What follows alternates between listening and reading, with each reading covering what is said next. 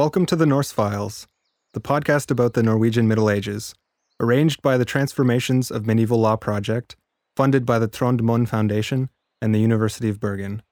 I'm your host, Patrick Ferrugia.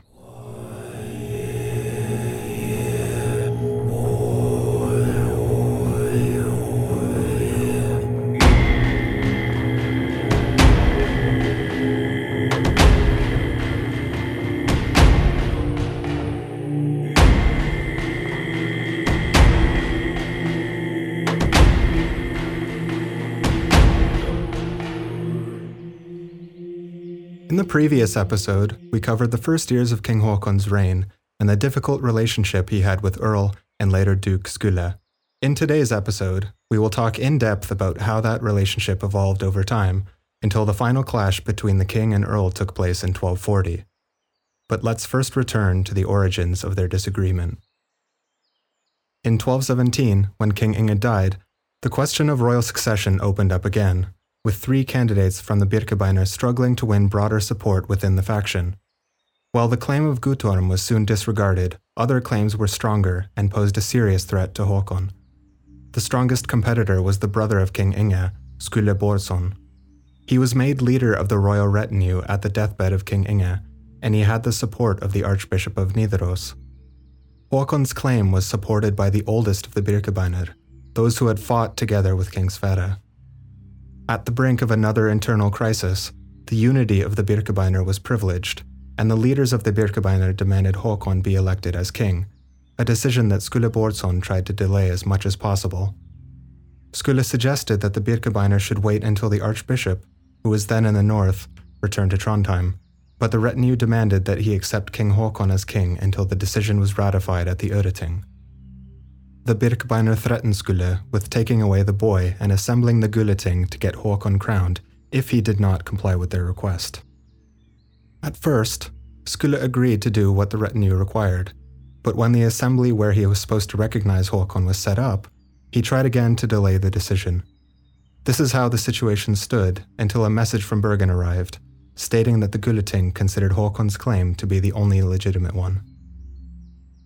Skule eventually relinquished his claim, at least for now, in exchange of becoming Håkon's regent during his minority and the earl when Håkon assumed full power. Håkonar Saga Håkonarsonar mentions that Skule took over all the properties and wealth that was passed from King Sverre to his son, and from him to Inge, while Håkon's inheritance consisted only of a brooch and a ring. Skule also pressed his claim for half of Norway and half of the tributary lands, and after a hard negotiation, he was granted a third of Norway but all of the tributary lands under his control. With this resolution, Håkon was declared king, first at the Øreting and later on in the other local assemblies of the kingdom. According to the saga, 1217 was a year of abundance in Norway, suggesting a special connection between King Håkon and God. The relationship between Earl Skule and King Håkon was difficult from the start. Skule was a powerful figure inside the Birkebeiner ranks, and was the acting leader of the faction. Håkonar Saga mentions several instances in which Skule conducted the business of the kingdom without asking the king, sending letters east and west with the royal seal, and brokering agreements on behalf of the crown. In one of such instances, Skule received letters from the Bagler king, Philippus Simonsson, who claimed half of the kingdom. Soon afterwards, news reached the courts of the king and earl, informing them that Philippus Simonsson had died and that the Bagler were divided and looking for a new candidate to become their king. Skule and Håkon sailed to Viken with their retinues to meet the Bagler, and after the brokering of Bishop Nikolaus, a peace settlement was reached. Both factions agreed to conform to the settlement the following year, after which the archbishop was consulted. When the time for the agreement to be ratified came, the king and the earl traveled to Trondheim. Håkonar Saga mentions that the king was received coldly, and no procession was organized for him, while the earl and archbishop met daily and showed each other great deference.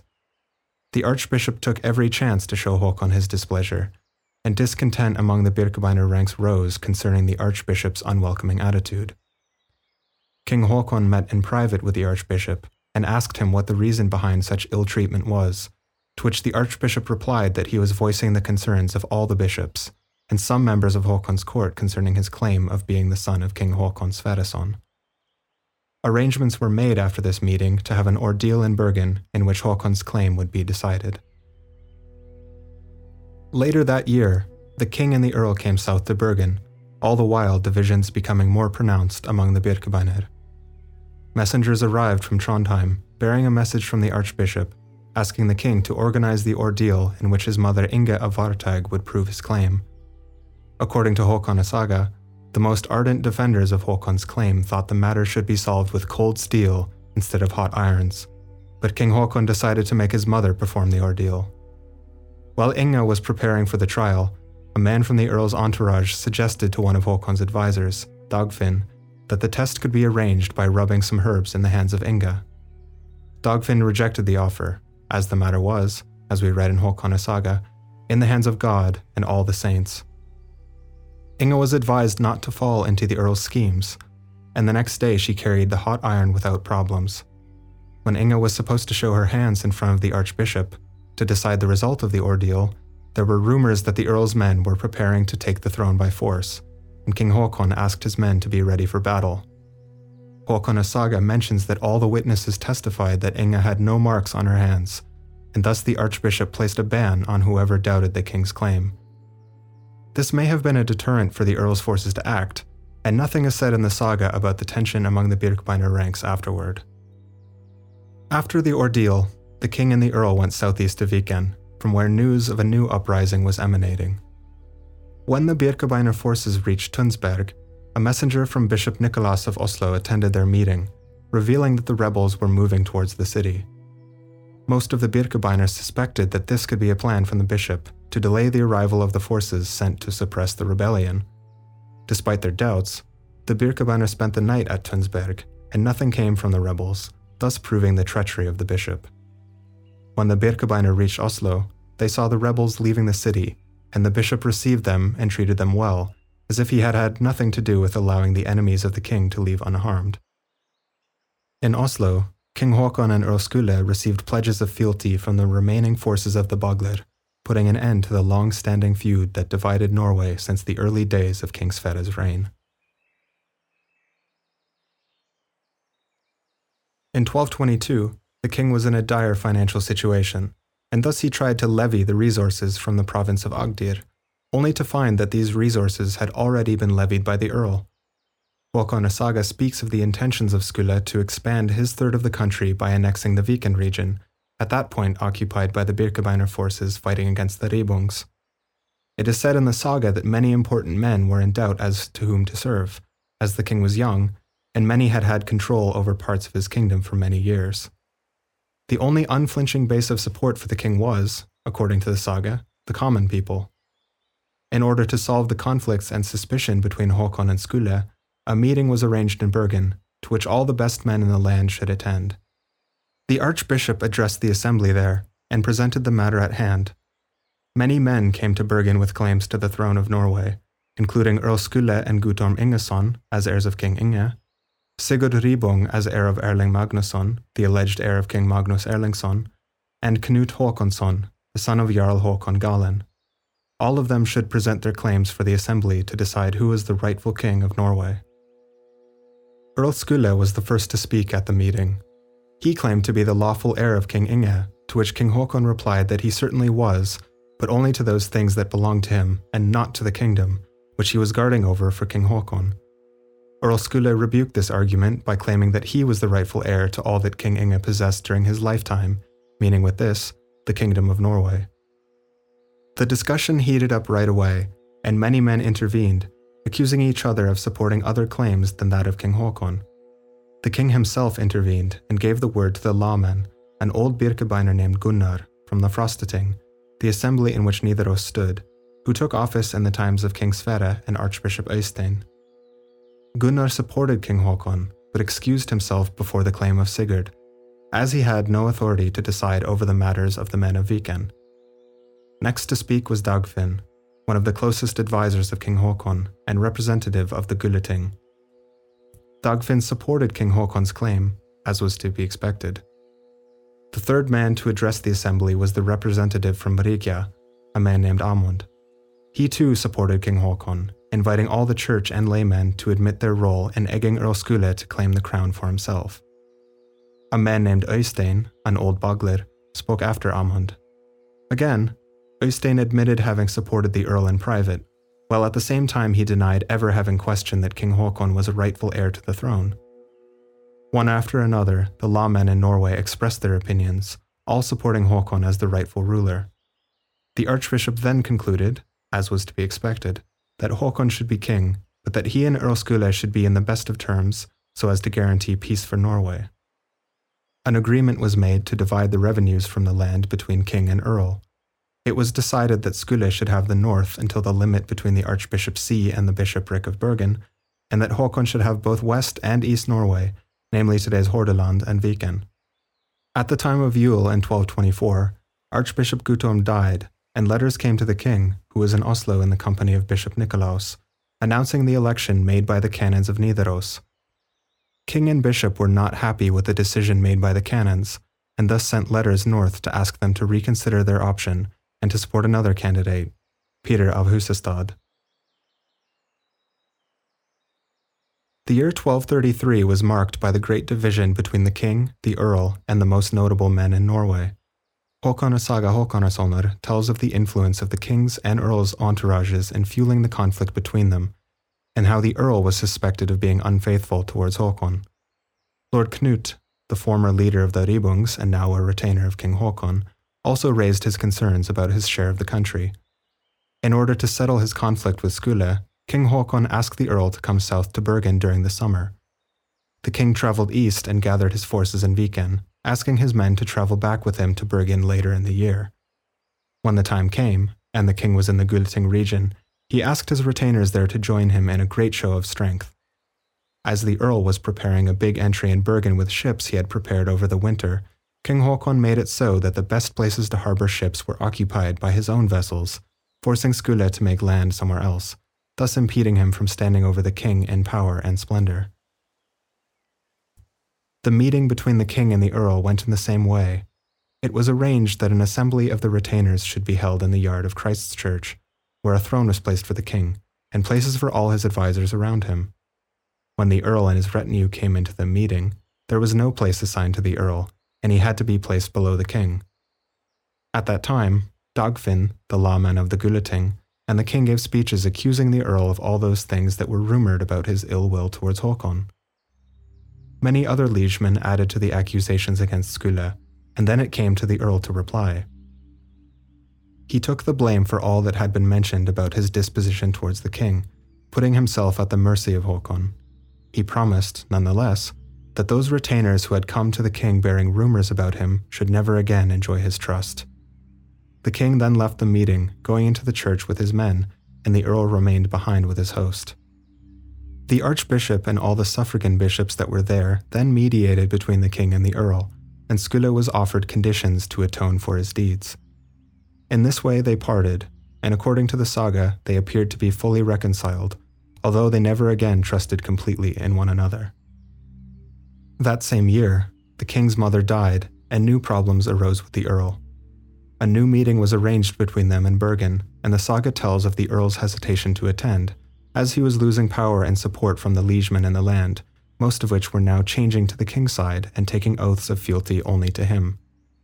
King Haakon mustered his forces in the east, then moved west to the Gulating, and sent messengers north to Trondheim informing the men of the Frostating that, in the case the Earl refused his summoning, he would come there in full force. As Skule remained in the north, King Haakon launched his forces and sailed there. The news of the incoming royal host reached Skule, and he debated himself between surrendering to the king or going further north and avoiding meeting Haakon. According to the saga, he decided to find refuge in the north, following the advice of some ill intentioned counselors.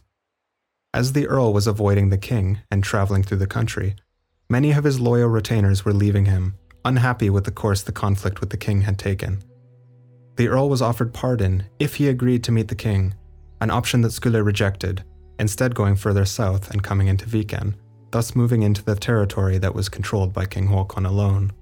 With the advice of the Archbishop, King Haakon made a third attempt to settle his conflict with the Earl, offering him a third of all the stewardships in the Upplands if he accepted to meet him. to which the Earl finally agreed. A tense peace was maintained in Viken between the Earl and the King's men, while messages were coming and going to and from Trondheim, where the King spent the winter of 1235 into 1236. Hostages were exchanged between Håkon and Skule as a display of goodwill between the two. The Earl sailed to Bergen later in 1236, and after reaching the King's harbour, messengers were sent to demand from the King that Skule's share of the land be respected and his son Petter recognized as the legitimate heir of his father. The king rejected these terms, but all other deals between them went without problems that winter. In the spring, Earl and King traveled north to Trondheim, and a meeting was arranged between Håkon and Petter, Bishop of Hamar, at the behest of the Archbishop to try to reconcile a minor conflict between them. Håkon Saga states that it was a difficult meeting as the bishop was always more reluctant to come to terms when Skule was present, showing the close relationship and influence the earl still had over the clergy. Despite many false alarms and several clashes that had to be quelled, the disagreements between Håkon and his father in law did not come to violence. In 1237, the king granted Skule the unprecedented title of Duke, as it had never been granted to anyone in Norway before. The following two years went by relatively without incident.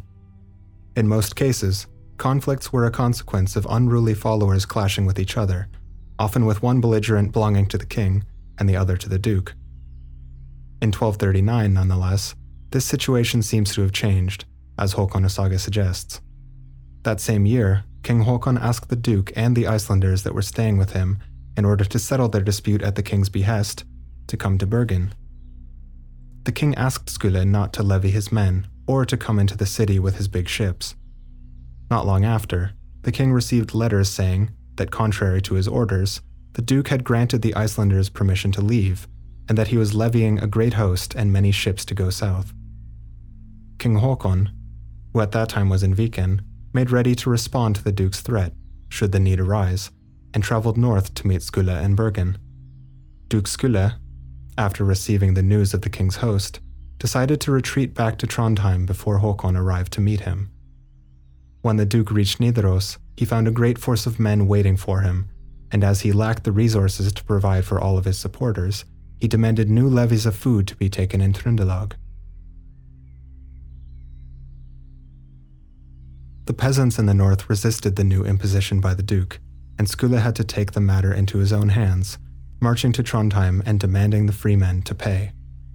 This was in direct conflict with an order sent earlier that year by King Håkon, asking the Trunder not to agree to pay more than he himself had allowed his retainers.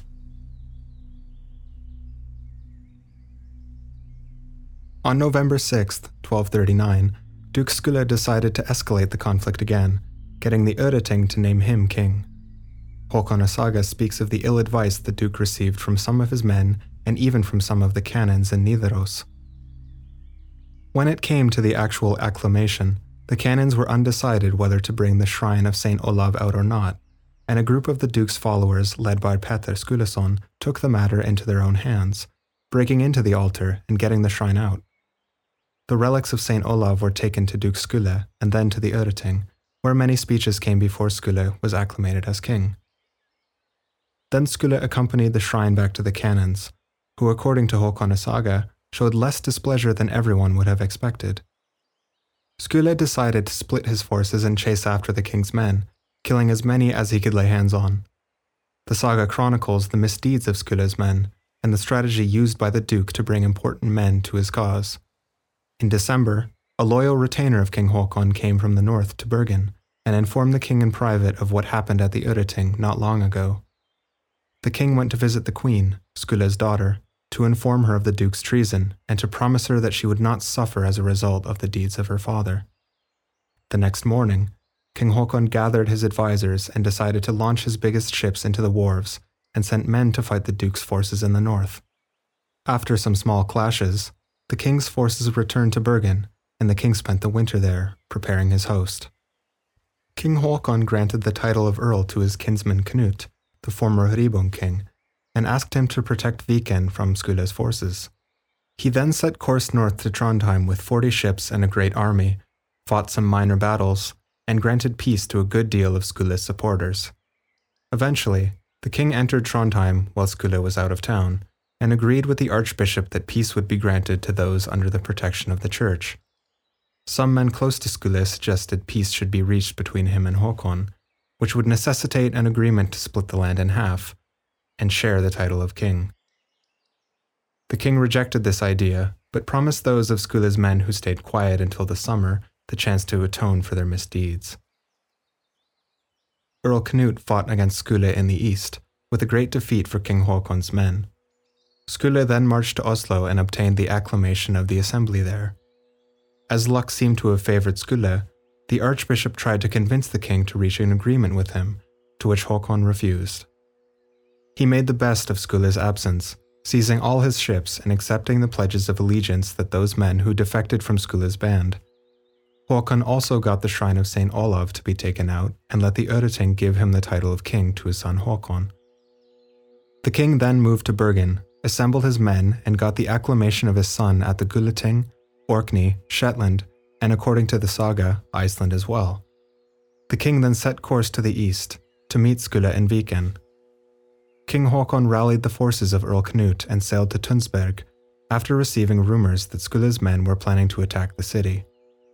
The king then received news from Earl Knut's men that were outside Oslo that Skule's forces were still in the city, and so the king's army marched there. On the 21st of April 1240, the two armies clashed in Oslo, and after a long fight in town, Håkon and Skule finally met.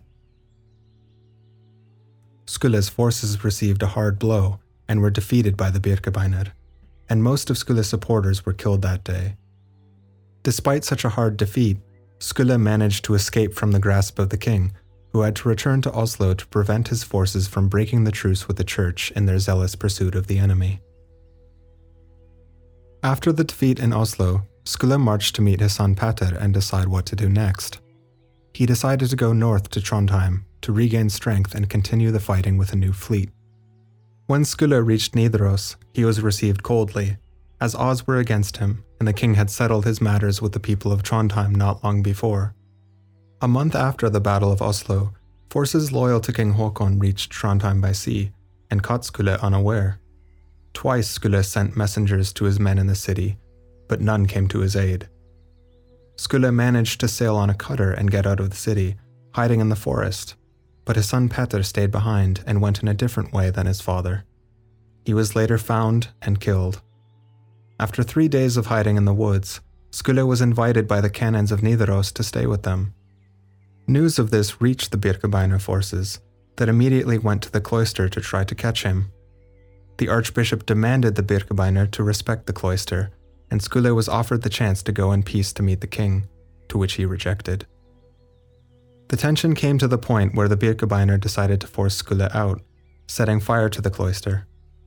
On June 9, 1240, Skule decided to come out and was killed by the Birkebeiner, as well as all those who remained by his side. With this, the last of the contenders to the throne of Norway met his end and from then on, the line of King Sverre finally ruled over all of the land. In this episode, we analyze the conflict between Skule and King Håkon from the perspective of Håkonar Saga Håkonarsonar. Taking this approach definitely has its issues, as the source was written at the commission of King Håkon's son, Magnus, and by Sturla Thordarson, an Icelandic retainer of the king looking to be rehabilitated into the court. Despite this, the saga portrays a relatively balanced image of the two contenders and provides reasonable explanations for the division that grew inside the Birkebeiner faction. With this said, we cannot, and we will not, ignore some of the interesting tropes that Sturla used to present his narrative. The first rhetorical image that Sturla uses in his saga is the depiction of Håkon as the king chosen by God. Many scenes in the saga depict how Håkon, since childhood, relied on God and St. Olav to protect his legitimate right for the crown. King Håkon is also depicted as very respectful to the ecclesiastical aristocracy, even when the clergy was amongst the first to discredit his claim. The ordeal of Inga of Varteig shows how secure Håkon was of his right to be king.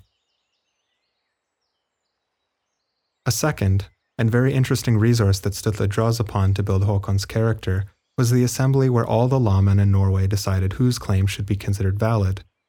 This scene, together with that of the ordeal, work as parallels, showing that Håkon was recognized by earthly and heavenly authorities alike. King Håkon certainly had clashes with the clergy, as the attitude of the Bishop of Oslo supporting the Ribbungs, or the conflict between Håkon and the Bishop of Hamar, clearly show. But in all these events, King Håkon made a display of Christian virtue, accepting the advice of the Archbishop and showing the bishops his utmost respect every time. The third and final trope that we could detect in Håkon saga is that of the treacherous advisors. This is actually an inversion from another figure that is frequently used, not only in literary sources, but in legal sources as well. The king is frequently described as making decisions with the advice of the good men, or in Norwegian, the gode men. These good men are not only trusted advisors of the king, but they represent the elites, and they are a reflection of the constitutional arrangements in the kingdom as a counterbalance to the growing power of the monarchy. This system of checks and balances, as we could call it, became especially relevant after the demise of Skule, when King Haakon consolidated his power, but it eventually lost its place when kings became more and more like autocrats. But that is going too far ahead for now. So, if the gode men were important for the consolidation of the monarchy and the establishment of royal authority, the bad advisors who populated Sturla's narrative of the conflict between Håkon and Skule were equally instrumental in spreading rumors and heating up the strife between them. It also serves the purpose of cleaning up the image we get from Skule, as after all, he was one of the secular leaders of the Birkebeiner and the highest ranked member of the aristocracy. In our next episode, we will talk about the last years of King Håkon Håkonsson's reign, from his consolidation as the sole ruler of the land to his coronation and the expansion of Norwegian hegemony over the North Atlantic. We will pay special attention to the incorporation of Iceland, as it represented a masterpiece of political strategy and the culmination of an extended bureaucratic chess match. All this in the next episode.